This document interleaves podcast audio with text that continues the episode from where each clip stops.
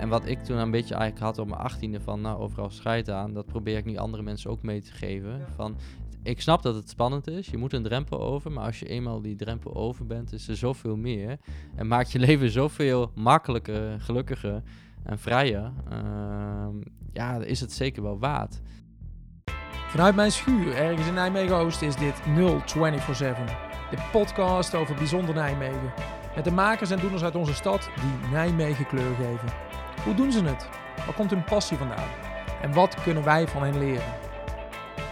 Mijn naam is Joris Vermeel en dit is aflevering 46 van 0247. Vandaag praat ik met Edwin Wiggers, misschien wel de meest hoopgevende starter buddy van Nijmegen. Over hoe hij als kleine kleuter in de kramp schoot als de juffrouw hem de beurt zou geven. Hoe hij het stotteren als jonge adolescent overwon.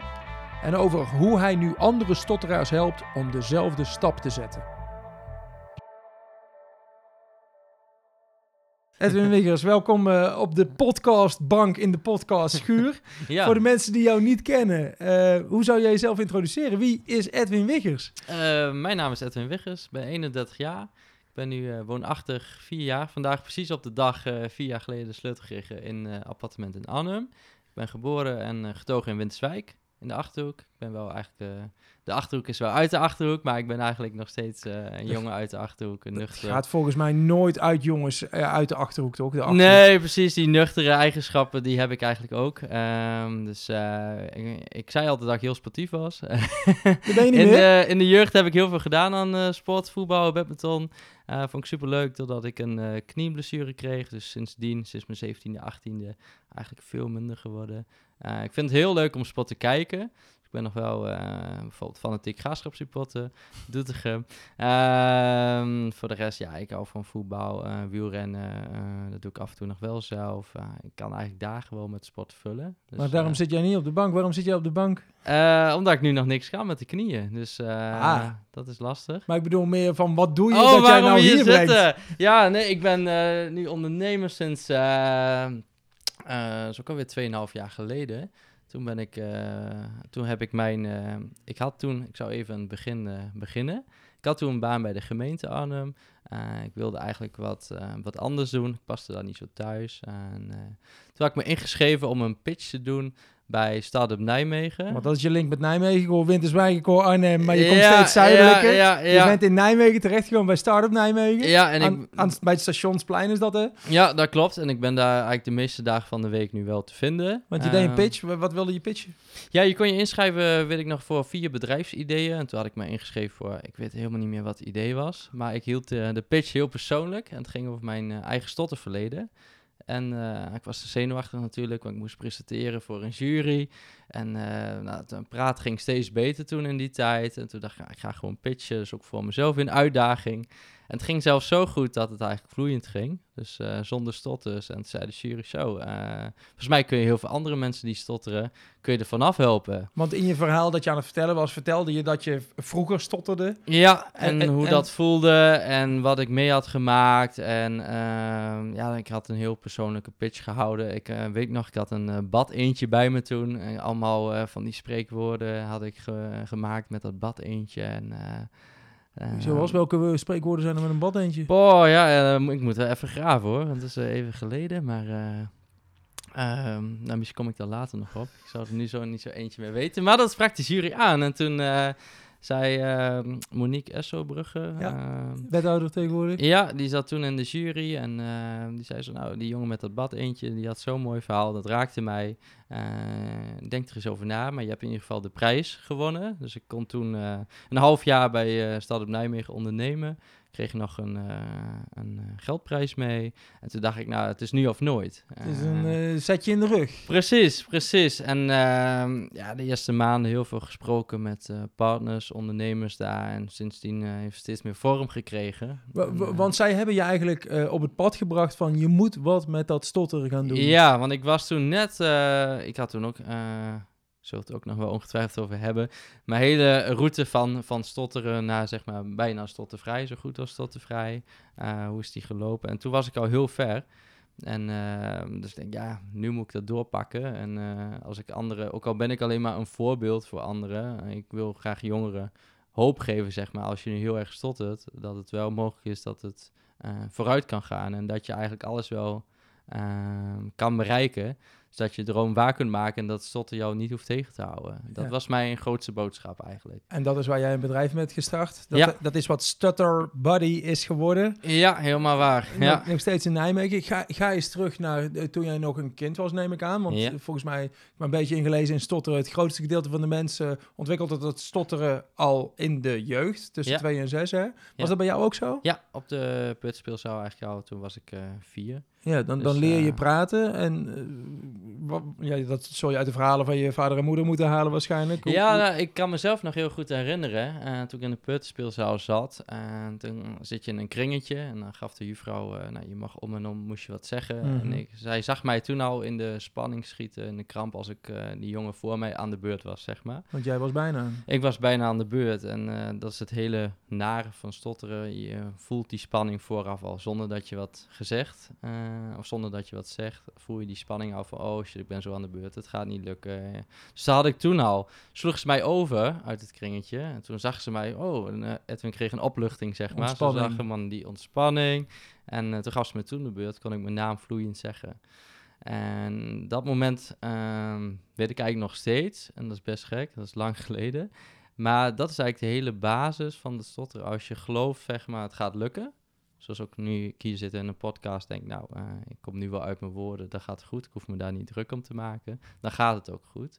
En als het niet goed gaat, en nu heb ik wel tools dat het wel goed gaat, zeg maar. Ja, ja, maar als je kind bent, heb je die tools natuurlijk nee, nog niet. Nee, dus je doet zo erg je best. Je bent dan het vechten van, nou, je, ja, je naam ken je wel, maar eh, komt er niet uit. Hij zit in je kop, maar dan moet hij nog door, eh, dan moet hij door, door... die eh, 150 spieren bij je mond moet hij uitgesproken ja, worden. je, in je kaakspieren en weet ik veel wat allemaal. Je bent aan het persen en zo ging dat bij mij ook. Ehm, nu had ik geluk. Eh, mijn voornaam Edwin kon ik nog wel uitspreken vaak. Dat, eh, nou, hoe dat kan, weet ik niet. Maar ik had daar geluk mee. Maar de achternaam Wiggus, ik had vooral moeite met de W. Ja. En eh, ik kwam daar uit Winterswijk, dus dat werd later ook een steeds groter probleem. Dat gaat er in je hoofd zitten. Als je vaak één keer, heel veel mensen die stotteren, die zeggen, ja, ik heb ook zo'n vervelende naam. Maar dat komt dan alleen maar omdat je één keer een negatieve ervaring hebt gehad, dan blijft dat hangen. Ja. En stotteren is echt een gevoelsprobleem. En dus ja, dan blijft dat echt zitten. En dan denk je, oh, zaak moet ik me weer voorstellen. Moet ik weer mijn naam zeggen. Ja, Dan- je zegt stotter is een gevoelsprobleem. Je, je zou kunnen denken stotter is een spraakgebrek. Dat is het dus Mm, niet. Het nee. zit, zit- daar zit het niet in. Het zit echt puur in je kop eigenlijk. ik ben er wel van overtuigd dat dat... eh, het is en-en. Eh, eh, mensen die stotteren zijn vaak heel gevoelige personen. Eh, die hebben er wel een bepaalde aanleg voor, voelsprieten. Als iemand anders stottert, heeft een stotteraar heel snel door. Ook al stottert hij voor een ander niet, maar als hij een ander woord kiest, dan heb je dat ook door. Ehm, maar het is vooral mindset. Want als je alleen bent, eh, als ik mij terugga in de tijd en ik eh, ging bijvoorbeeld een presentatie oefenen thuis op mijn slaapkamer, dan had ik hem helemaal uitgeschreven, ging Ja. voor de spiegel staan, ging vloeiend. Deed ik hem tegen, tegen mijn cavia, nou dan ging het ook vloeiend. Ja. Kom ik volgende dag voor de groep te staan, dan klapte ik helemaal dicht. Dus ergens weet je wel van als je echt een spraakgebrek zou hebben, zou het in elke situatie zijn. Ja. Eh, dus daarom ben ik van overtuigd, als je een gevoel hebt van ik kan het, dan gaat het ook wel goed. Dus De situatie beetje- zorgt er dan voor dat je, dat je stottert of niet stottert, of een beetje stottert of veel stottert. Ja, dus eh, dat had echt puur met die spanning te maken. En ik denk ook, het is, eh, eh, ik zie het echt als angststoornis, maar ook met faalangsten. Want juist als ik onder druk kwam te staan, dan ging het niet goed. Ja, wat kun je daar nog meer voorbeelden uithalen? Je hebt je, vier in de peuter speelzaal in een kringetje. Ik kan me voorstellen, op een gegeven moment ga je naar de basisschool, dan moet je daar spreekbeurten doen. Je gaat naar de middelbare school, nou dan heb je ook regelmatig presentaties die je moet geven. Ja, de uitdaging werd alleen maar groter. Ik kan me Eh, op voorstellen. de basisschool had ik geluk. eh, ik kwam een hele fijne groep terecht, fijne klas. Ik woonde eh, dichtbij, dus ik kende de hele buurt. Dus ik voelde al best wel vertrouwd. Ehm daar had ik alleen in de latere groepen, wat ik me kan herinneren bij de spreekbeurt, vond ik wel wat spannend. Maar het ergste bij mij begon pas toen ik, of pas, toen ik 12 was. Ik ging in groep 4, groep 3, groep 4 ben ik eh, meteen naar logopedie gestuurd door mijn eh, ouders. Die hoorden ook wel dat ik dan stotterde.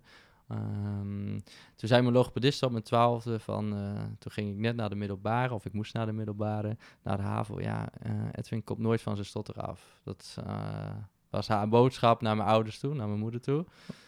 Ja, ga door. En ja, dat hoorde ik natuurlijk. En toen dacht ik van, oh, wat doe ik hier dan eigenlijk? Waarom zit ik nog bij logopedie?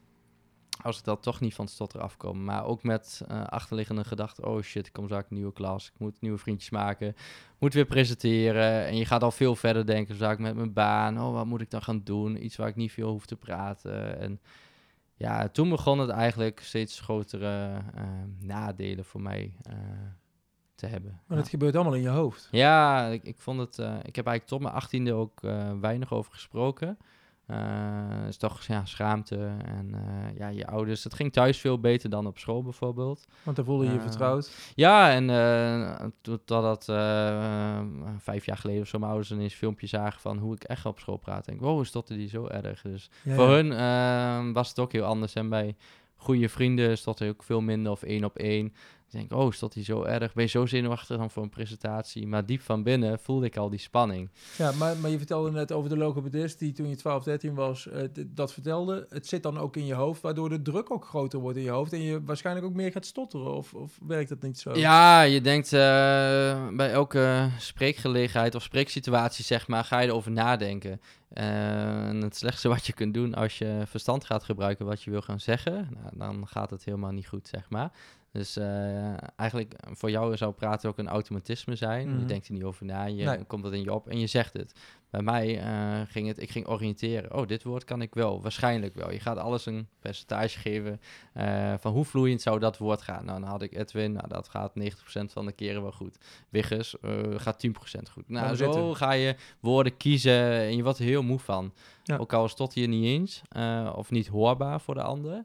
Je bent continu aan het denken. Elke zin die je doet, leg je jezelf ook een druk op eigenlijk. Ja. En daar ben je bewust mee bezig. En sterker nog, als je dan gaat voorstellen, dan heb je en dan bedenk je al de vraag van de ander. Zoals ik, jij gaat mij nu interviewen, dus ik kan, eh, ik had me voor kunnen nemen. Oh, je gaat mij vragen waar ik vandaan kom. Kan ik weer in mijn hoofd gaan zitten? Oh, ik moet zo daar Winterswijk zeggen. En je gaat denken voor de ander en eh, ja, dat maakt Dodelijk je zo moe. Ja. Ja, ja, en zeker als je er eigenlijk niet eh, over praat. Dat kwam pas op mijn achttiende. Dat was mijn grootste les eigenlijk. Van praten maar over. Want ik werd echt eh, op school. In de tweede of derde moest ik een presentatie houden. En dan zei de leraar bij de tweede zin: stopte maar mee. En nou, dan kun je wel door de grond zakken, zeg maar. Want dan zit je al een week thuis in spanning. Een week slecht geslapen. Een week slecht gegeten. Eh, je praat er met niemand over. Maar mijn ouders hadden al wel door: oh, er komt weer wat aan. Want die jongen, praten gaat een beetje achteruit. Eh, en als de leraar dan zegt bij de tweede zin, stop er maar mee, zonder dat hij zegt van, oh, kan ik je helpen of wat dan ook. Ja, dan denk je, hoe moet ik zo dadelijk eh, van school af, wat heeft dit nog voor zin, hoe kom ik hier vanaf?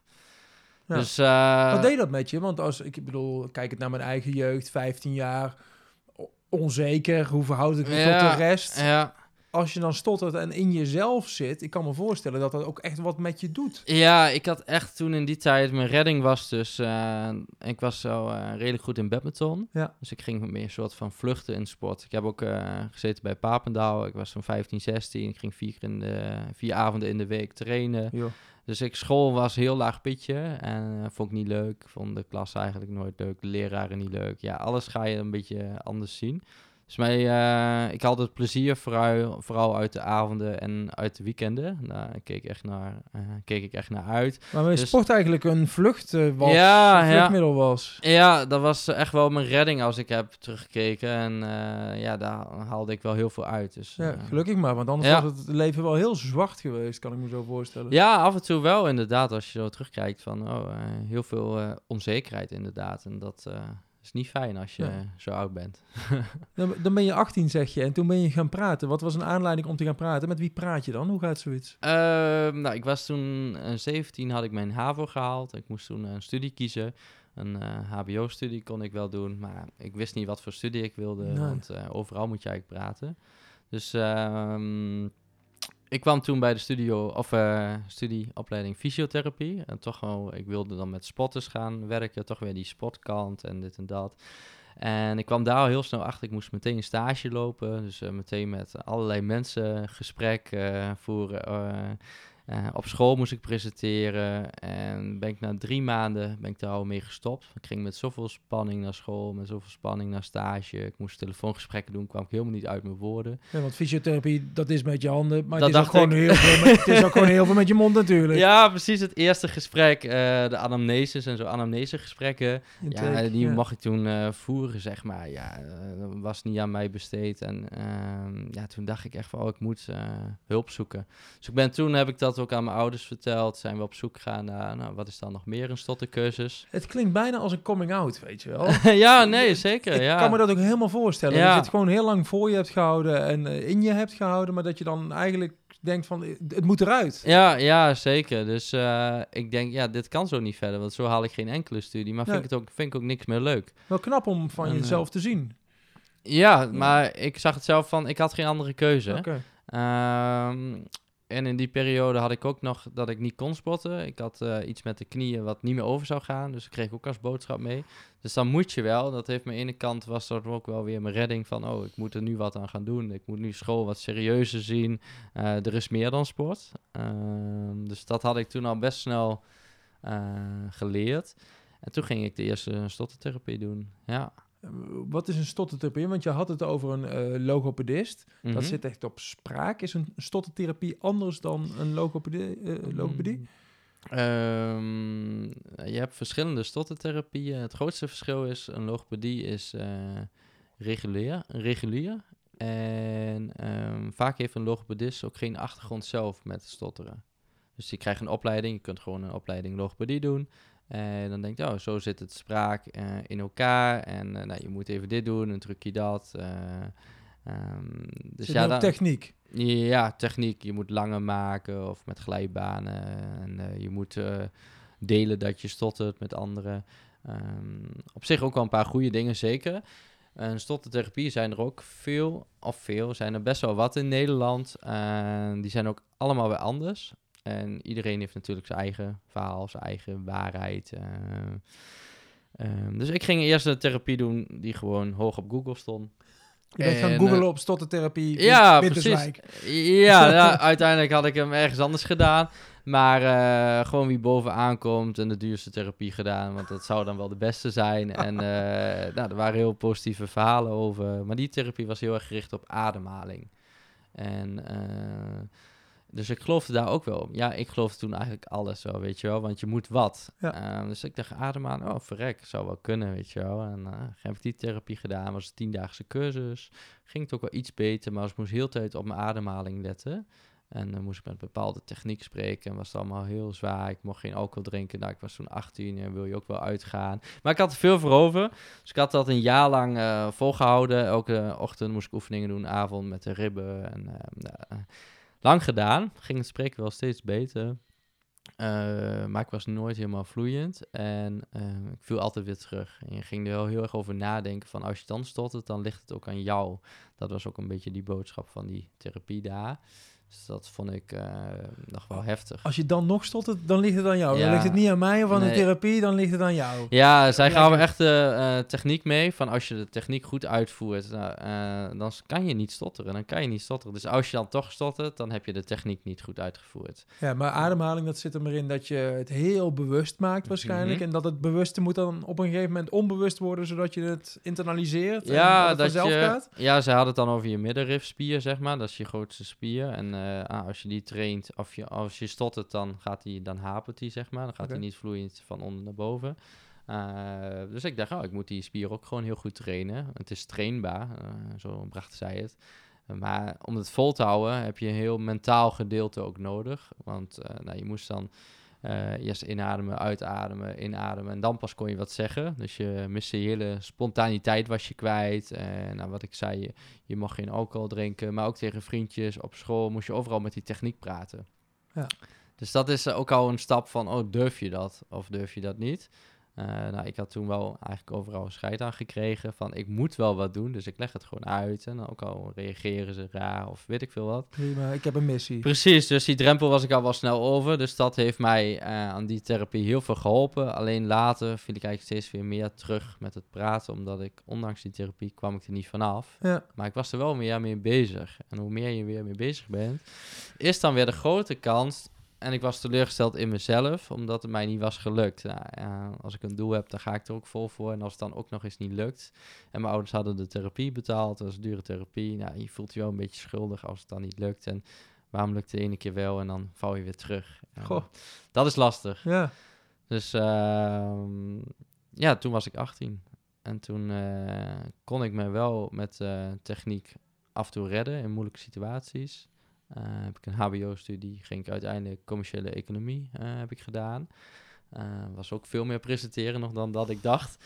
En ook in andere taal. We moesten ook eh, best wel veel in Duits en Engels doen. Want stotteren, dat eh, is niet alleen in het Nederlands. Stotteren doe je dan ook in het Engels en het Duits natuurlijk. Ja, voor de een is dat soms makkelijker in een andere taal. Ik kan me nog herinneren, Frans was voor mij, eh, ging ook wat vloeiender. Echt waar? Ja, maar dat komt waarschijnlijk omdat, eh, nou, als je 14, 15 bent, kreeg je op de middelbare Frans. De rest van de groep kan het ook niet zo goed. Ja, Dus je doet maar wat. En Engels en Duits, eh, nou, ik woonde dicht bij de Duitse grens.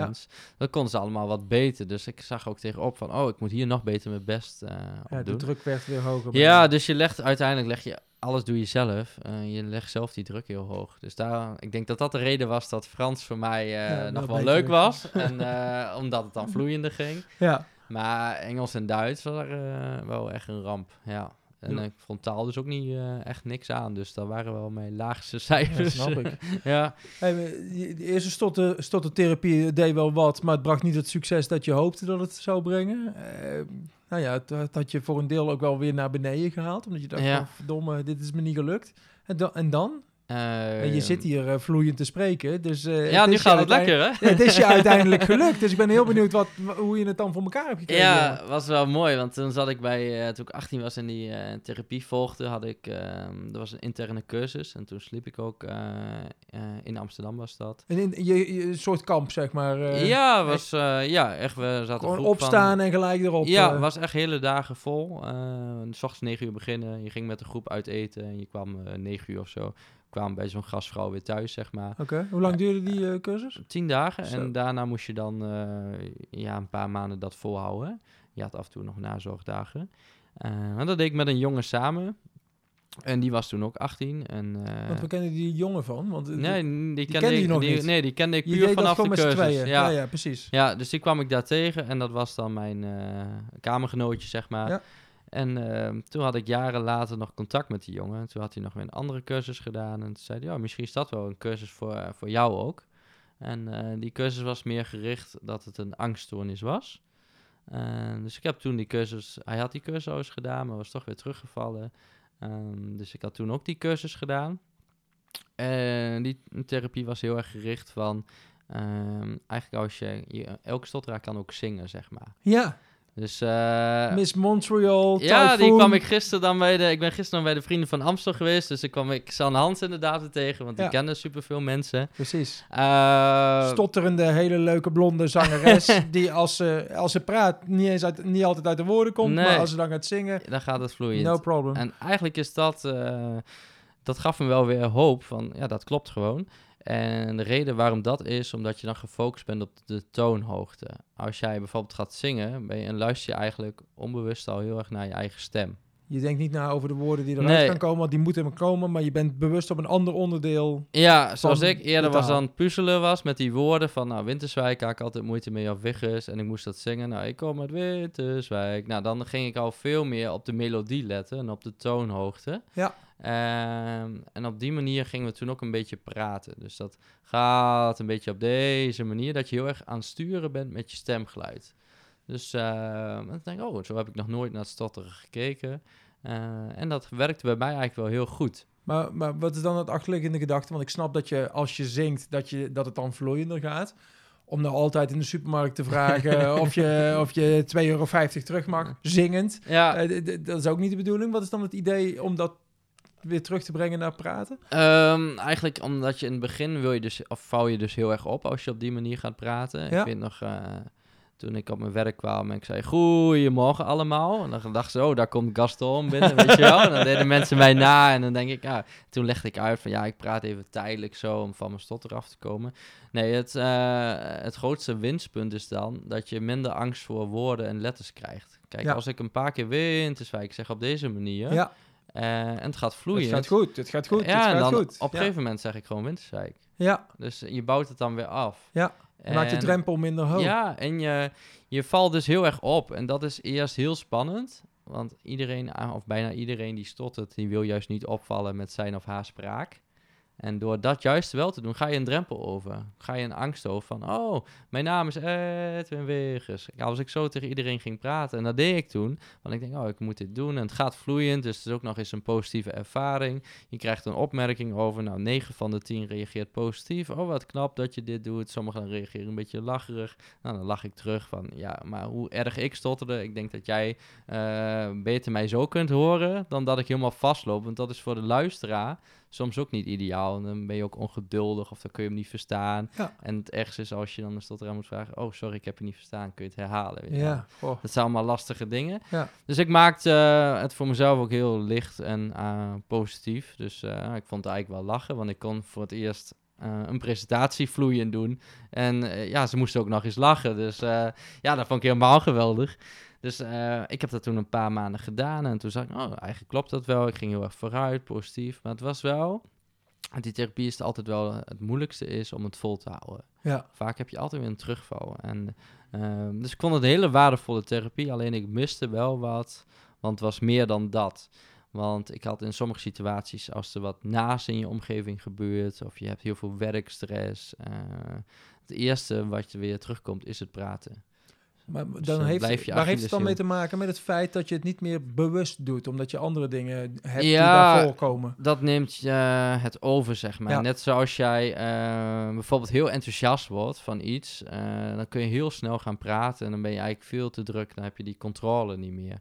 Eh, als ik een grap wil vertellen, kun je daar helemaal oh, ja, maar in je hoofd zitten van, oh, ik moet dit vertellen, ik moet dat vertellen. En dan ga je er weer over nadenken. Ja, En dan mis je eigenlijk die hele controle. En als je sowieso veel te druk bent, ja, dan heb je niet meer die rust. Dus ik dacht, oh, er moet wat meer bij. Dus ehm, nou, toen ben ik dat, na die pitch, ben ik daarover aan na gaan denken. Welke dingen eh, heb ik gedaan de afgelopen tijd? Wat is essentieel? want dit was het punt dat je eh, een paar jaar geleden bij Startup Nijmegen kwam om die pitch te doen. ja, Je was nog niet helemaal klaar met Nee, je therapie, vertelde je al. ja, M- Maar je dacht, wat, wat, wat, wat moet er dan ook bij? Precies, dus eh, ik ging ook, eh, wat mij ook heeft geholpen, ik ging met heel veel mensen die stotterden, ging ik interviewen. Ja. Dus die ben ik zelf gaan vragen van hoe komt het nou en eh, welke hulp heb je gehad en wat heb je nodig wat zoek je dan voor soort hulp. En overal kwam terug van, ik heb altijd te maken met die terugval. Van hoe zorg ik nou voor dat ik het langere tijd vol heb, volhoud. Eh, en zodoende kwam ik eh, op de Vibes-methode. Vibes, het Engelse woord zeg maar voor gevoel. Want als je in een good vibe zit, dan gaat het praten ook goed. En de vibes bestaat eigenlijk uit vijf pijlers. En al die vijf pijlers heb je wel nodig.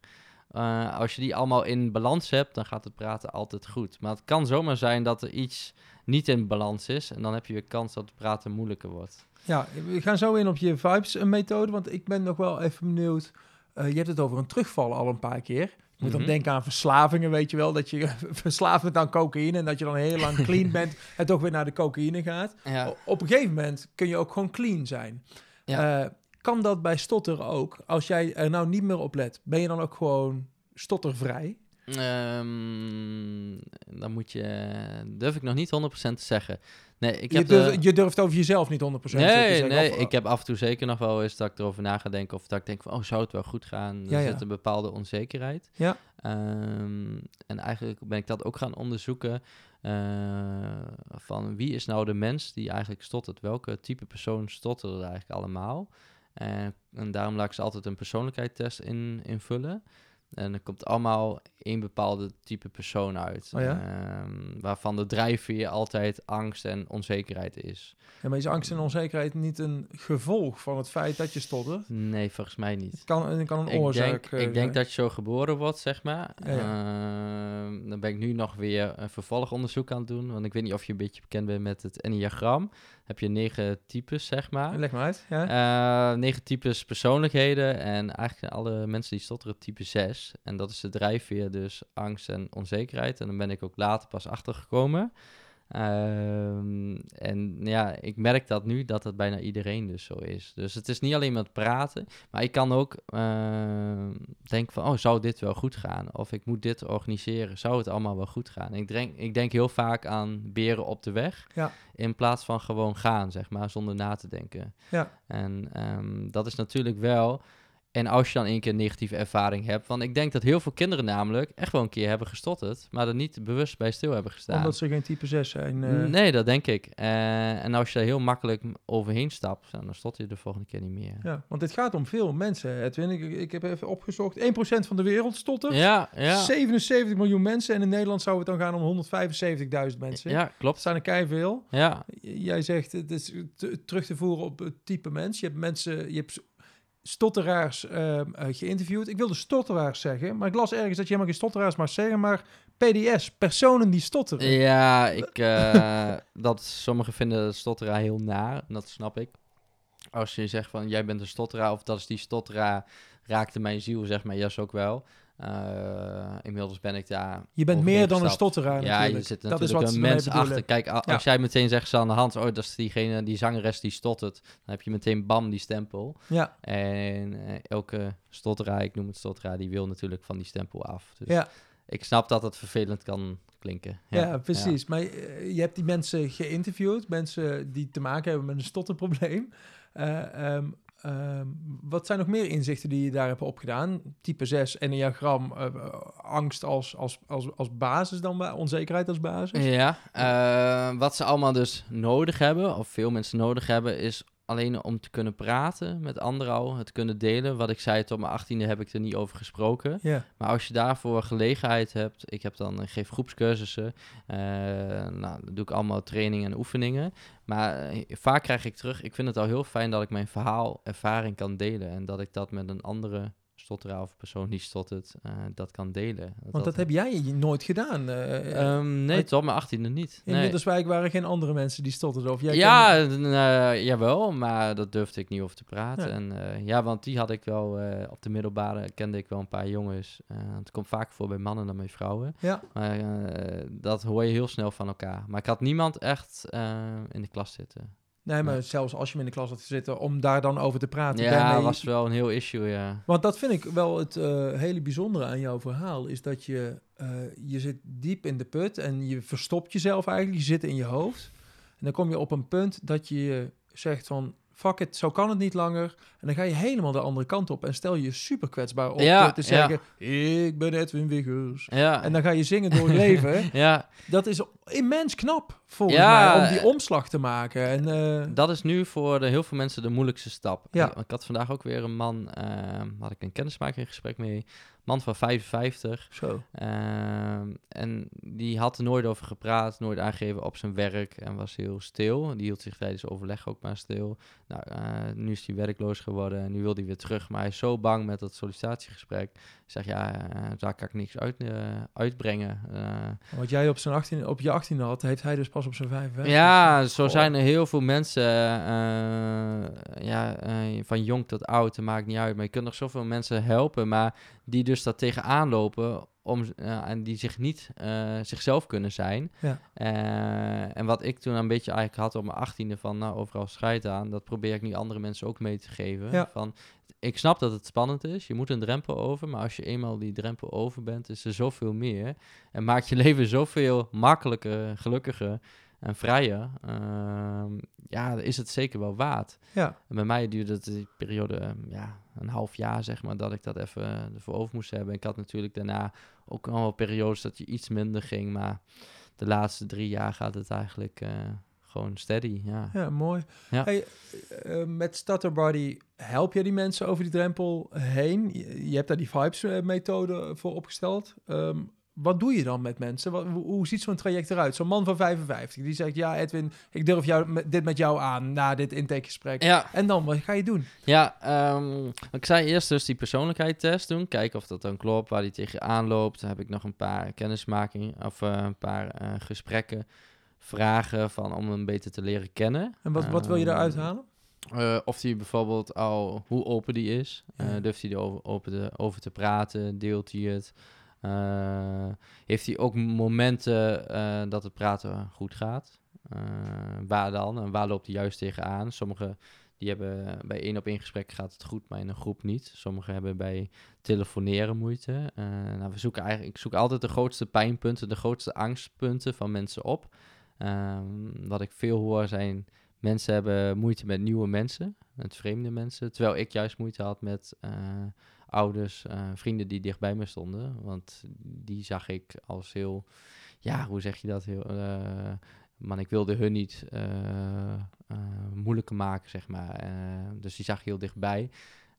dat was voor mij heel moeilijk om dan juist bij hun die techniek ja. toe te passen. Want zonder techniek ging het bij hun eigenlijk ook wel goed. Um, en daarna beginnen we dan met een één op één sessie. En dan, gaan, um, dan begin je met voorlezen. Dan leer je techniekjes aan met voorlezen. Dan gaan we één op één in gesprek. Allemaal heel veilig eerst. Totdat ik zeg van, nou, dit kun je wel. En dan geef ik hem huiswerkoefeningetjes mee. Uh, en dan mag hij mij een keertje bellen. Want hier zitten weken tussen, kan ik me voorstellen. Of, uh... Nou, dat gaat eigenlijk heel snel. Vooral uh, als je de techniek snel onder de knie hebt. Dat kan echt wel na, twee, na twee sessies. En als je dat thuis ook een beetje durft te oefenen. En uh, nou, ik geef ze wel eens opdrachten mee om jezelf op te nemen, om mij een spraakbericht te sturen. Kijken of ze de techniek uh, goed toepassen. En um, daarna gaan we ook wel samen de straat bijvoorbeeld op. Dan gaan we echt vreemde personen aanspreken. Ga ik diegene een beetje onder druk zetten van, nou, uh, nou de te techniek nu maar in het openbaar toe. en dan breid je dat langzaam uit naar een groepscursus. -huh. En groepscursus, uh, mijn groepen zijn altijd vier tot zes personen. Niet te groot, zodat iedereen wel de aandacht heeft en iedereen zijn of haar verhaal kan doen. Um, ik heb nu ook nog een online training. Dan kun je thuis zeg maar uh, dat volgen van, oh, ik sta nu hier of ik heb daar nog moeite mee. Uh, dan kun je dat, ja, 24-7 kun je daar uh, kijken van, oh ja, dit kan ik nu doen. Hey, en je, je zegt techniekjes aanleren. Uh, dat zit aan het begin. Wat voor techniekjes zijn dat dan? Um, dan gaan we het hebben over de voice. Dus de vibes, de voice van vibes. Dus beginnen we met uh, de voice. Precies, want de vibes bestaat uit vijf letters. Voice, eye, body, emotion en structure. Ja. Je begint met de voice, geluid, ja. stem. Ja, dus dat is je stemgeluid. Wat ik zei van uh, met zingen gaat het zeg maar al uh, vloeiend. En met zingen dan ga je verschillende toonhoogtes, harde, zachte, maar je kunt ook klanken. Want alles wat we zeggen bestaat uit klanken. Eigenlijk alles, één zin is één grote klank. Maar wij hebben op school geleerd met aap, noot, mies. Alles zijn verschillende woorden. Dus ik had bijvoorbeeld moeite met de K, met de P, met de W. Maar als je alles in één klank zegt, dan denk je daar niet meer over na, maar luister je alleen maar naar je stemgeluid. Dus eigenlijk is een regel nummer één, alles wat je nu gaat vertellen, dus misschien wel leuk voor jou om te doen, luister eens naar je eigen stemgeluid. En om die aandacht bij je eigen stemgeluid te houden, is het makkelijker als je klanken gaat verlengen. Dat geeft je weer zeg maar een signaal van, oh ja, verlengen. Maar je kunt ook iets harder gaan praten en jezelf dus een beetje wakker schudden. En dan heb je ook weer aandacht. Maar ook met hoge tonen en lage tonen kun je daar een beetje mee spelen. Zo zijn er verschillende hulpmiddelen. Heel bewust naar jezelf luisteren. Ja, dat is wat je gaat doen. Terwijl je normaal, normaal zit je dan in je kop. Maar jij zegt ja. eigenlijk ga een stap verder en luister naar jezelf wat eruit komt. Niet ja. zozeer wat er in je kop zit, maar wat er uit je ja, mond komt. Ja, want je moet juist uit je hoofd komen. Precies. Want je moet uit het verstand komen. Ja. Um, dus je kan het zien als een soort afleiding. Uh, maar als je hiermee begint met lezen... Dan, en het is echt ongelooflijk hoe snel mensen, uh, wie dan net binnenkomen... en die laat ik wel een stukje voorlezen... komen soms helemaal niet uit in woorden... En dan leer ik ze uh, deze technieken zeg maar aan. En dan als eenmaal het vertrouwen er is, zeg maar, dan kunnen ze bladzijde voor bladzijde vloeiend lezen. Ja, vertrouwen, dat is waar vertrouwen, het om gaat, dat draait het uh, echt allemaal om. En dan is het nog veilig, doen ze het bij mij één op één. Ja. En dan uh, doe ik ze wel eens in een groep. En dan voel je wel die groepsdruk natuurlijk. Dus weer andere spanning. Um, dus dat is de voice, zeg maar. Dat is echt de spreektechnieken. Ja, want je, had het net over het, de ander leren kennen en hoe open iemand is, hoe kwetsbaar iemand zich op durft te stellen. Als jij er nou in zo'n intake achterkomt, deze persoon heeft moeite om zich kwetsbaar op te stellen. Durf je dan wel dit traject met hem aan of moet, die daar, moet iemand daar eerst aan gaan werken? Hoe gaat dat? Uh, dan ga ik het juist. Uh, ik, ik, ben altijd wel heel open en eerlijk. Dan zeg ik, nou, dit valt mij op of dit komt uit de test. Uh, dus hoe kwetsbaar durf jij je op te stellen? En dan stel ik hem de vraag van, heb je dat ervoor over? ik zeg ook nooit... Want je is- moet je kwetsbaar op durven stellen om stappen te kunnen maken. Ja, zeker. En het is ook eh, niet dat het in een week over is. Dus eh, eh, probeer altijd zo eerlijk en open mogelijk te zijn naar andere mensen toe. Omdat ik dat zelf ook heb ervaren van, oh ja, je denkt soms na een week, oh, nu stotter ik niet meer. Maar als je dan één keer stottert, kun je weer eh, heel veel ergernis krijgen. Dan denk je, oh shit, dan gaan alle alarmbellen weer af. Oh, ik hoor nu maar één keer stotteren. En hoe ga je daar dan weer mee om? Ja. Dat is echt wel een mindset. Eh, maar als ik een merk van, het komt niet vooruit, of diegene die durft een drempel niet over, ja, dan neem ik hem echt eh, letterlijk bij de hand en dan gaan we samen de straat op. Of dan laat ik hem de keuze van, dan zeg ik na één of twee keer, nou, ik merk dat we niet verder komen, en, maar ik denk dat het beter is dat we stoppen. En dan komt misschien hard over, maar ik kan niet aan iemand trekken, zeg maar, die dan die stap niet wil maken. En ik kan hem ook wel sturen naar de psycholoog, maar vaak zijn ze daar dan al geweest. Eh, je moet het echt uit jezelf halen. Maar als je zelf... Ja. eh, ik zeg altijd, je hebt zelf altijd die keuze. Eh, maar dan wil je veranderen, dan moet je ook veranderen. Of wil je zeg maar van het slot eraf, dan moet je veranderen. En anders, het is ook heel erg makkelijk om in het oude patroon, oude systeem te blijven. Als je niet wil veranderen. En dat is voor heel veel mensen eigenlijk heel spannend. En vaak in het begin zeggen mensen wel, ja, ik wil wel veranderen. Maar als het puntje bij paaltje komt, dan... eh, Ja, dat is heftig. dat is heftig, ja. Ja. Ja. Maar het is niet zozeer van een eh, spraakprobleem afkomen als wel een, ehm, een, een mindset verandering Ja. erin brengen. Je, je, je, voor jezelf kiezen. Dat ja, en moet je nagaan. Ik kan me heel goed voorstellen als je bijvoorbeeld kinderen al hebt of je hebt een, eh, een eh, partner en je moet ineens anders gaan spreken. Hoe gaan zij, hoe, ga je, hoe gaat je omgeving daarop reageren? Ja, Had ik geluk, zeg maar, in mijn tijd toen ik dat veel deed, eh, had ik dat allemaal nog niet. Eh, dus als ik terugkijk, was, ja, was, kwam dat op het juiste moment. Ja. Maar als je bijvoorbeeld, nou, die man van 55, ja, die heeft veel meer nog meegemaakt. die heeft nou wel dan een stap te zetten, ja. ja, maar dan gaat het er vooral om dat je afscheid neemt van de gedachte hoe anderen naar je kijken. Ja, Daar je moet je los eh, van komen. Ja, want eh, heel veel mensen zeggen, ja, bij die stotterde ik, omdat die altijd zo nors kijkt. Of omdat Ja. die, weet je wel, dan leg je het altijd bij de ander neer. Terwijl ik zeg, ja, die ander kun je toch niet veranderen. Het je moet alleen jou. bij jezelf het zoeken. gaat om jou. Ja, Ja, precies. Ja. Hey, je, hebt, je hebt ook voice, dat gaat over je stemgeluid. I, dat gaat over jou leren kennen. ja die persoonlijkheidstest en Precies. dat. Ja. Dan komt de body, lichaamshouding en kracht heb ik daarachter geschreven. ja. Hoe helpt dat? Ehm, nou, ik wil een mooi voorbeeld. Eh, mijn vriendin zegt altijd als we hand in hand lopen, nou daar hou ik niet zo van. Maar als we dan hand in hand lopen, want dan loop ik altijd maar gespannen. En dan zeg ik, loop toch eens maar ontspannen. Maar ik merk heel veel, ook heel veel mensen die dus stotteren, zijn altijd gespannen. Die willen altijd de controle, een bepaalde houding vasthouden. Dus als je al eens ontspannen gaat zitten, bijvoorbeeld ja, je doet je handpalmen open en eh, nou, je zit gewoon recht en gewoon chill. Als je niks hoeft te doen, maar als iedereen, eh, stel nu met deze podcast, ik moet ineens eh, wat gaan praten, dan kun je al heel erg zo vast gaan zitten, zeg maar. Heel, Geforceerd. ja, geforceerd en dan praat je ook niet rustig, zeg maar. Hoe rustiger jij zit, hoe rustiger je ook overkomt, ontspannen. Ja, En natuurlijk ben ik ook wel zenuwachtig. Maar je kunt ook al wel, ook als je gaat presenteren, maak even contact met de aarde, zeg maar. Zet je voeten goed neer. Ehm, hou je rug recht, je schouders. Veel, veel mensen die onzeker zijn, nou, hebt de schouders al voorover hangen. Dus probeer rechtop. Ik merk, ik zit zelf ook heel vaak zo, dus probeer af en toe eh, rechtop te zitten. Eh, ja, daar komt al veel zelfverzekerder over. Ja. En eh, ze zeggen wel eens, eh volgens mij 90 of 95 procent is eh, non-verbale communicatie. Dus, maar dat merk ik ook echt. Want als je al gaat zitten van, oh, alles kan mij niet overkomen, man, ik blijf gewoon sterk zitten. Ja, dat geeft jou zoveel meer zelfvertrouwen. ja non-verbale communicatie is communicatie naar de ander, maar ook naar jezelf toe. dat Ja, je zegt, kom maar op, ben ik klaar voel voor. jij Ja. en kruip niet weg of vlucht niet weg. Nee, Maar laat jezelf maar eens zien.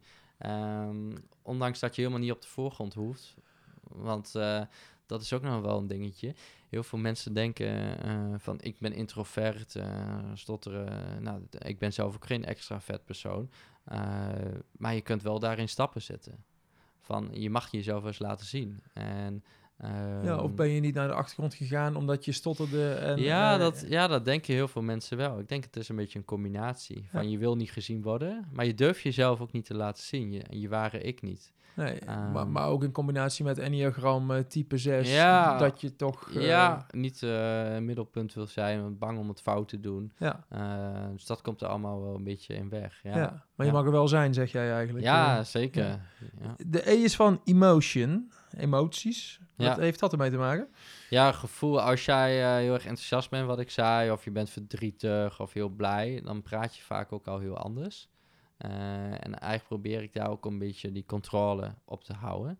Dus als jij, eh, nou, bijvoorbeeld, of als je een sollicitatiegesprek hebt, als je heel zenuwachtig spanning bent, want je wilt je beter voordoen, probeer het allemaal dicht bij jezelf te houden, zeg maar. Of je krijgt een na ber- bericht uit je omgeving. Mhm. Hoe ga je daar dan mee om? Eh, want dat zorgt al allemaal voor extra spanningen. Eh, en ja, die probeer ik zeg maar wel om altijd daarin steady te blijven. Niet Ja. dat als je helemaal hyper de pieper bent, dat je dan heel snel gaat praten eh, op een andere manier. Blijf altijd wel een beetje die middenlijn zoeken. Precies. Ja. En de S is van structure, structuur. Hoe kun je voor structuur zorgen? Ja, eh, je kan voor jezelf een overzichtje maken van eh, nou, hoeveel slapen heb ik eigenlijk gehad. Ja, ja. Eh, slaap ik genoeg? Hoe eet ik? Hoe drink ik? Nou, ik heb bijvoorbeeld, ben ik gisteravond naar Vrienden van Amstel geweest.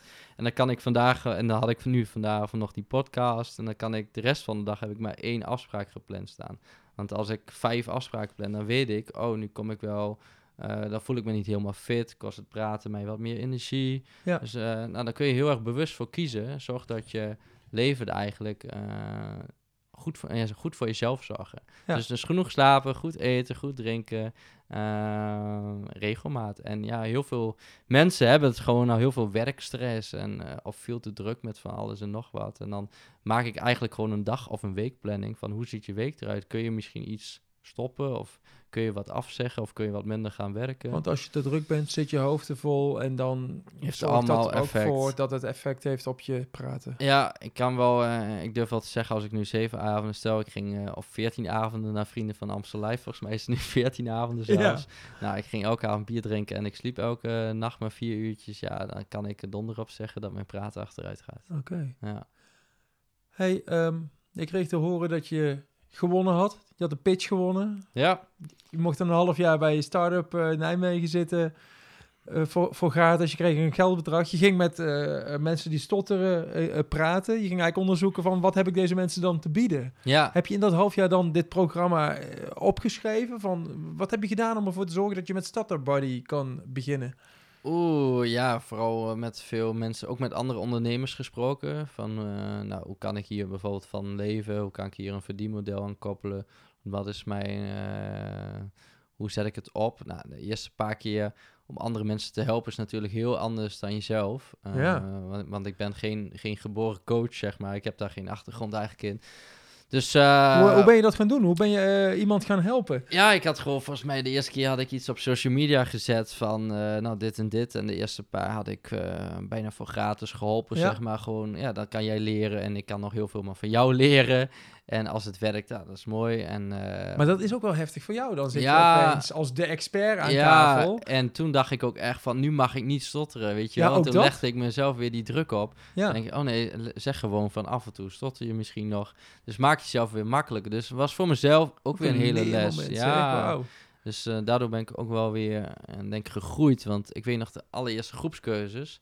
Ja, toen had ik ineens zes eh, mensen in de groep en dan moest ik dat gaan doen. De allereerste keer, ja, hoe ga je dat doen? Waar ga je het precies over hebben? Wat ga je wel zeggen? Laat je hun juist aan het woord of niet? Wat vinden ze fijn? Nou, je, ja, je leert zoveel dan. Ja, Dus ik zei, oh, ik heb weer gigantische spreekspanning eh, toen ik binnenkwam. dat was je eerste zin eigenlijk. Ja, en toen zei ze, ja, je spreekspanning, maar je stottert toch niet meer? Ik zei, ja, nu ik dit heb gezegd, voel ik me weer heel erg fijn. Ah, maar dat Dus is dan, goud? Ja, dus vooral wat mezelf heel erg, eh, wat ik mezelf heel erg heb geleerd, is open en eerlijk zijn. Ja, Eh, kwetsbaar zijn. Kwetsbaar zijn, ja, Ja. daarmee kom je het verste. En ook zeggen, oh, ik zal vast niet alles goed doen. Ik moet nog veel leren. En ik denk dat het zoveel uurtjes of zoveel eh, weken kost, maar het kan ook wel veel meer zijn.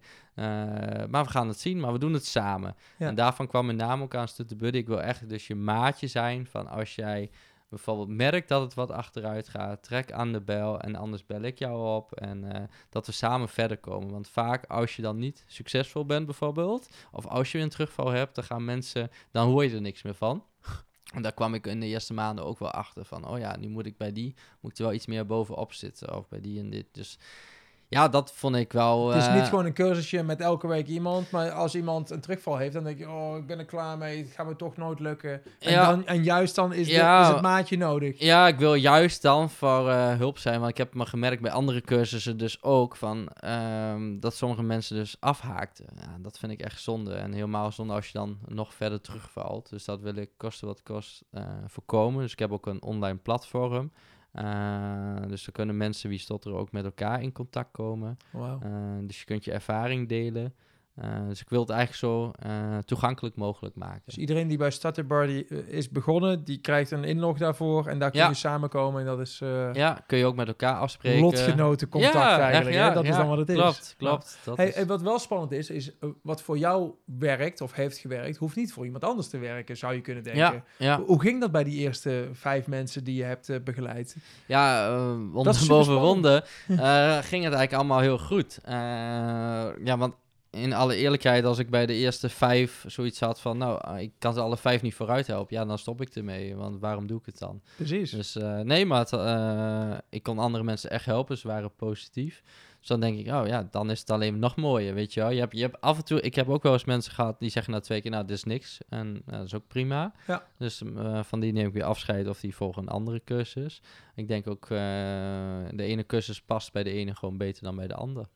Eh, maar eh, in het grootste geval is het heel positief.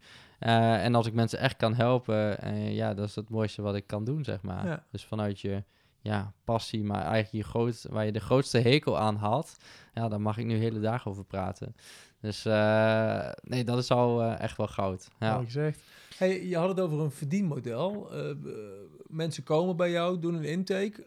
En, en dan betalen ze dan per, s- per, per- Ja, waar betalen ze voor? Hebben ze een abonnement op Edwin Wiggers? of, eh, Nee, ik ben daar nog wel mee eh, bezig, want ook, eh, ik heb dan wel commerciële economie gedaan, maar ook mij qua ondernemerskills kon ik nog een hoop leren. ja. En ja, maar ik vond het ook moeilijk om echt gelijk eh, de hoofdprijs te vragen, zeg maar. Want ik wilde, mijn insteek was, ik wilde gewoon mensen helpen. Maar ja, ik werd toen fulltime ondernemer. Dus ik moest me ook wel, op, op den duur moest ik er ook wel geld aan verdienen. Ehm, nee, je kunt kiezen eigenlijk tussen een online pakket, dan doe je het echt helemaal zelf. Eh, maar dan is een kans op resultaat wat lager, op goed Ja. resultaat, want dan ben je zelf verantwoordelijk voor. Meestal eh, komen we uit op het eh, totaalpakket en dat wil zeggen, dan heb je mij gewoon 24-7 als buddy. Eh kon je een online pakket kun je doen, online training. één op één sessies begin je dan mee. Het zijn zes sessies. Nou ja, bij sommige mensen die de 7, 8 nodig hebben, daar komen we ook altijd wel uit. En daarna heb je nog drie groepscursussen. Dus eh, tot nu toe is dat, eh, ik heb daar ook wel mee gepuzzeld, zeg maar. Ik had ook wel eens gedaan 10 één op één sessies, twee groepscursussen. Maar dit is tot nu toe eh, het meest gangbare. En over hoeveel tijd zit het dan verdeeld? Die zes, eh, Ehm, zes individuele sessies en wat zei je? Drie groepen? Ja, meestal elke maand één groepsessie. Ja. Dus dan drie maanden ben je wel bezig. En ja, dat hou ik wel bij de meeste mensen aan. En die drie, na die drie maanden moet er gewoon een significante verbetering zijn. Ja, en soms dan kan er wel tussen komen, maar eh, of dan wil je nog extra sessies, dat kan ook. Eh, maar dan hebben ze in ieder geval de basis, zeg maar. En dan eigenlijk ben je dan al heel ver. En als je dan af en toe nog een online training blijft volgen, eh, ja, dan ben je eigenlijk al zo goed als slottenvrij. Ja. Kan, kan. Maar je hebt hele ja, verschillende mensen. Je, ken je zelf ook stotteraars? Of mensen die stotteren? En niet in mijn directe omgeving. Oké. Eh, Nee, dus dan moet ik echt aan Erben Wennemars denken Oh, of zo, ja. weet je wel. Dan, Ja. eh, is dat een stotteraar? Dat is wel een stotteraar. Ja, dat is wel eh, zeker een stotteraar. Eh, maar je hebt dus eh, zo'n type als Erben. eh, nou, die praat super snel en die stottert af en toe. Eh, maar je hebt ook mensen die helemaal vastzitten. Dus je hebt verschillende niveaus eigenlijk. En eh, het heeft ook wel te maken met je leeftijd, van hoe oud je bent, hoe snel je iets oppikt en of je er klaar voor bent. Eh, ik vind dat ook lastig om te zeggen van eh, de gemiddelde tijd is drie maanden, dan ben je van het stotteren af. Sommige mensen hebben gewoon, komen van, van verder. Ja, Eh, die hebben echt wel een half jaar of een jaar nodig. Eh, dus dan spreid je dat uit en dan maak je weer nieuwe afspraken van oh, we kunnen elkaar verder helpen. Of met elkaar met dat platform. Ehm, dus ja, dat verschilt. Ik kan niet zeggen binnen drie maanden. Nee. Ehm, Maar je laat ze wel betalen voor een totaalpakket. Dus dat is wel Ja. eh, lastig als het lang duurt voor jou. Ja, natuurlijk. dus ik wel eigenlijk misschien wel waar ik naartoe wil, is eh, een soort abonnementsvorm. Dat je voor een paar tientjes elke maand eh, gewoon aangesloten blijft. Ja, zodat je ook bij terugval ook ja, weer, direct bij je terecht ja. kunt natuurlijk. Ja, dus eigenlijk heb ik het nu nog te gunstig gemaakt, want die online training mogen ze altijd gebruik van maken. Eh, maar goed, mijn eerste insteek is om zoveel mogelijk mensen te helpen. Ja. Eh, mocht ik een, een grotere vaste groep hebben, dan kan ik daar naartoe. Want hoeveel man Zo. begeleid je nu, eh, bijvoorbeeld op dit moment? Hoeveel Ik- groepje heb je lopen? Ik heb er nu, eh, deze week zijn er ook weer twee begonnen, heb ik er tien. Dus eh tien die echt actief bezig zijn. Dus Ja. ze hebben dat, al, ik ben nu 2,5 jaar bezig. Nou, daar hebben het er al eh, ongeveer 20 nu, denk ik, afgerond. eh, die klaar zijn. En sommigen komen af en toe nog wel eens terug, of die bellen af en toe nog wel eens. Vind ik helemaal prima en ook leuk. Eh, maar nou, echt tien die ik nu eigenlijk actief eh, begeleid. Ja. Hey, je doet het alleen. Heb je ook nog plannen om het groter te gaan maken? Om er eh, partners erbij te betrekken? Of, of is, is dit wat je voor ogen hebt? Ja, vind ik lastig. Ehm, mm, als je samenwerkt, ehm, eh, vind ik lastig. Een goede vraag heb ik wel eens over nagedacht. En dan moet net met iemand die zelf over denkt, eh, dezelfde passie heeft. eh. want het is wel pittig, kan ik zeggen, als iemand, zeg maar, wie stottert en je komt binnen. En normaal zit je aan de andere kant. En nu is het de hele tijd naar iemand luisteren, die stottert. dat vergt andere energie. Voor jou als... eh, ja, en als coach ook. Ik had het best wel onderschat. ja, Want je denkt, oh, even eh, drie afspraken op een dag van anderhalf uur, dat, dat kan prima. Maar als iemand eh, zijn hele, ja, bij mij delen mensen hun hele levensverhaal wel is. En dat is best wel heftig. En dat moet je zelf ook tijd geven. Van, oh, ja, het is niet alleen maar dit en dit zeggen. Nee, het is echt mensen de ruimte geven, luisteren, het gevoel geven. Ehm, ja, dat is veel zwaarder dan dat ik had gedacht. ja het, is, Dus, eh, het, is, het is geen koetjes en kalfjes. Nee, totaal niet. Totaal niet. Dus eh, je, je ziet hele mooie dingen eh, tijdens zo'n groepscursus. Maar het is ook wel vaak dat je gewoon een, een oudere man in tranen met tuiten ziet. Zeg Ja, maar. Ja. En hoe ga je daar dan mee om? En dat vind ik heel mooi om te doen.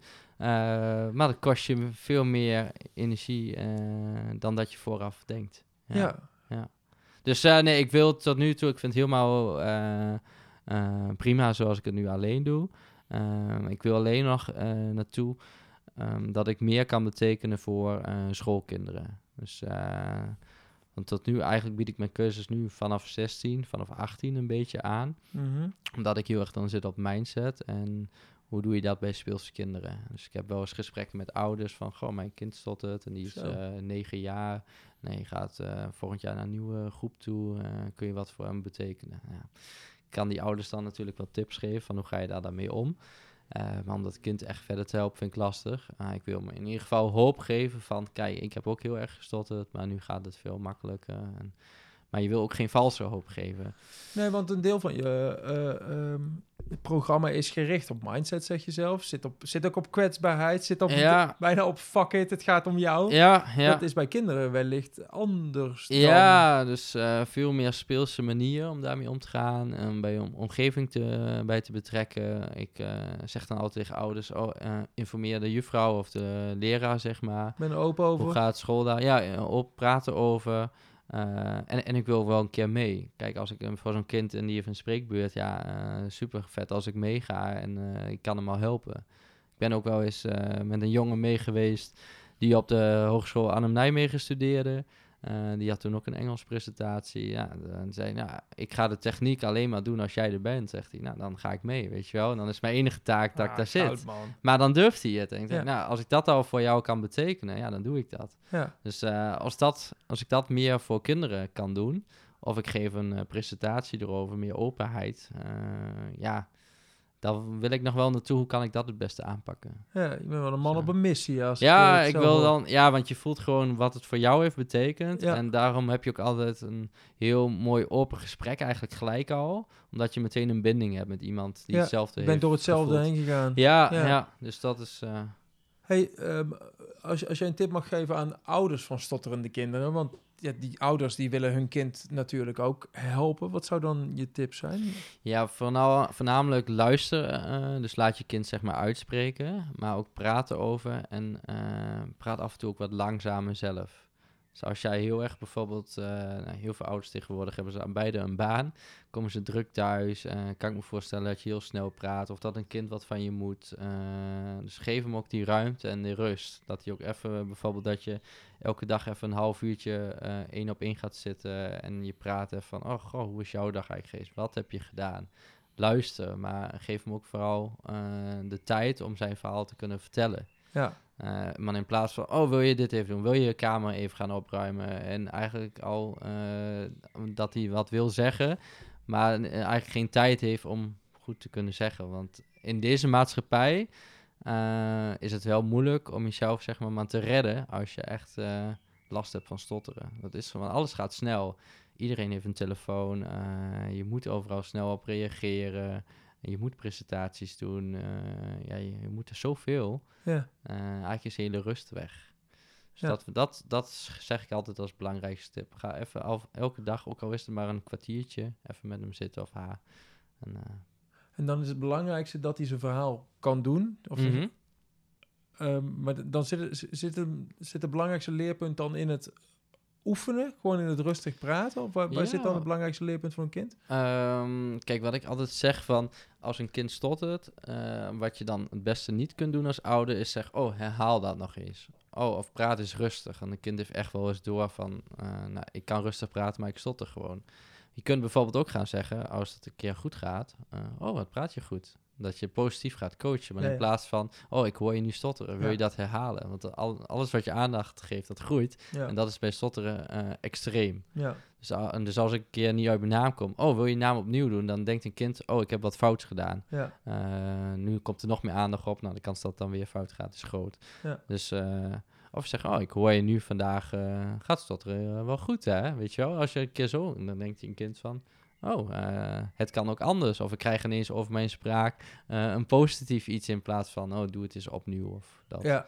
Dus, eh, niet, met de, niet met de lineaal op de vingers gelijk. Maar, nee, nee, ik zou, en, ik zou het ook niet naar logopedie sturen.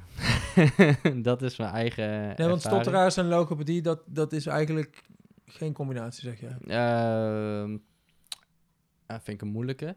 Als ik mijn eigen ervaring spreek, dan heeft het niet geholpen. Dus daarom is mijn beeld wel een beetje zo. Maar ik snap ook, ik kon bijvoorbeeld eerder de letter R, kon ik eigenlijk ook niet uitspreken. Ik sprak eh, meer als een L. Dus ik zei meer een Chinees die de R wilde zeggen. Zo sprak ik de L of de R uit. Daar, heb ik, daar hebben ze mij wel mee geholpen. Dus eh, Dat is wat anders dan stotteren. ja, en dat is inderdaad, daar zit wel een verschil. Eh, dus ik, ja, ik heb nog nooit iemand gehoord, eh, een stotteraar, die zegt van door logopedie ben ik van mijn stotter afgekomen. Nee, maar het is dan wel zoeken naar eh, wat kun je dan wel doen voor kinderen. Ja. Eh, wat is dan een goede stottertherapie voor kinderen als het niet op mindset zit? Waar zit het hem dan op? Hoe Ja. is dat? Ja, dat is dus waar ik ook nog niet uitkom, Nee. waar ik nog mee aan het worstelen ben. Ehm, dus ja, mocht iemand dat weten of ja, ja, ik ben daar wel heel erg nieuwsgierig naar. Ja, hey, want ik, ik zat op de site van, volgens mij eh, is het de, de Stotterstichting. Daar zit ook wat wetenschappelijk onderzoek. Ja, Eh, dat wordt dan gedaan. Maar je zei zelf al, er zijn heel veel verschillende soorten stottertherapieën. En jij hebt Ja. dit ook zelf uitgevogeld. Eh, er is dus geen één stottertherapie die voor iedereen werkt. nee, nee, zeker niet. En, eh, ehm, ja. Hoe, hoe kan dat? Ja, goede vraag. Ja, er zijn heel veel onderzoeken eh, momenteel ook gaande van is het erfelijk, zit het in de genen? Precies. Eh, ja, dat soort onderzoeken eh, zijn ze nog volop mee bezig. Ja, mm, nee, er is niet één gouden route. Nee. nee. Daarom heb ik mijn therapie zo breed mogelijk gemaakt. Want ik denk dat heeft iemand nodig die stottert. Die heeft meer nodig dan alleen met spreektechnieken. Ja. Die heeft het hele complete pakket eigenlijk nodig. Ja. Maar ja, eh, als iemand gered is of eh, iemand eh, beter gaat door ademhalingsoefeningen en dat werkt bij diegene, ja, prima, Prima. weet je wel. Dan eh, ga ik niet zeggen dat is niet goed. ja. Nee. Maar heb jij dan ook wel eens mensen die bij jou komen tegen wie jij kan zeggen: Ik ga jou zeker helpen of ik ga jou zeker niet helpen? Kun je dat inschatten? Of ben je ervan overtuigd dat iedereen die bij jou komt, bij jouw stottertherapie, dat je die verder kunt helpen? Eh, ja, in principe kan ik me altijd verder helpen. En zeker, ik, ik zeg nooit, ik ga garanderen dat ik jou helemaal van het stotter af help. eh, Maar ik ga mijn uiterste best doen. En eh, ik hoop dat jij dat ook doet. Want, want ik ben ook van diegene afhankelijk. Ja, nee, moet je het samen van, doen. Jij moet het echt samen doen. Dus ja, garantie geef ik nooit. Maar ik ben er wel van overtuigd dat ik hem kan helpen. Ja. ja. Hey, we hebben het helemaal niet over Startup Nijmegen gehad. Oh, dat is ja. het gebouw bij, bij het station. Hè. Iedereen kent het wel. Staat er een duim? Wat staat er op? ja, ja. Het is een duim hè, Ja. op de zijkant. Dan, Klopt. dan weet iedereen het wel. maar het is een verzamelgebouw met allemaal startende ondernemers. Is Ja. het? Kun je er nog wat meer over vertellen? Ja, eh, nou, ik ben daar toen begonnen met die pitch inderdaad. En ehm, ja, het mooiste van die plek is, eh zijn volgens mij momenteel meer dan 100 ondernemers. Een super grote groep. En eh, de meeste komen allemaal uit de buurt van Nijmegen. En je hebt daar ook eh, heel veel partners zitten. En die partners, eh, daar kun je dan spreekuren bij inboeken. Dat zijn partners van bedrijven uit de buurt. Eh, die hebben al heel veel ervaringen. En met hun kun je gewoon spreekuren inboeken. En dan kun je jou- jouw eigen onderneming of je eigen idee of je plan gewoon op tafel leggen. En dan zeggen van, oh, ik, wil nu mensen met stotteren helpen. Hoe kan ik dat het beste gaan, gaan doen?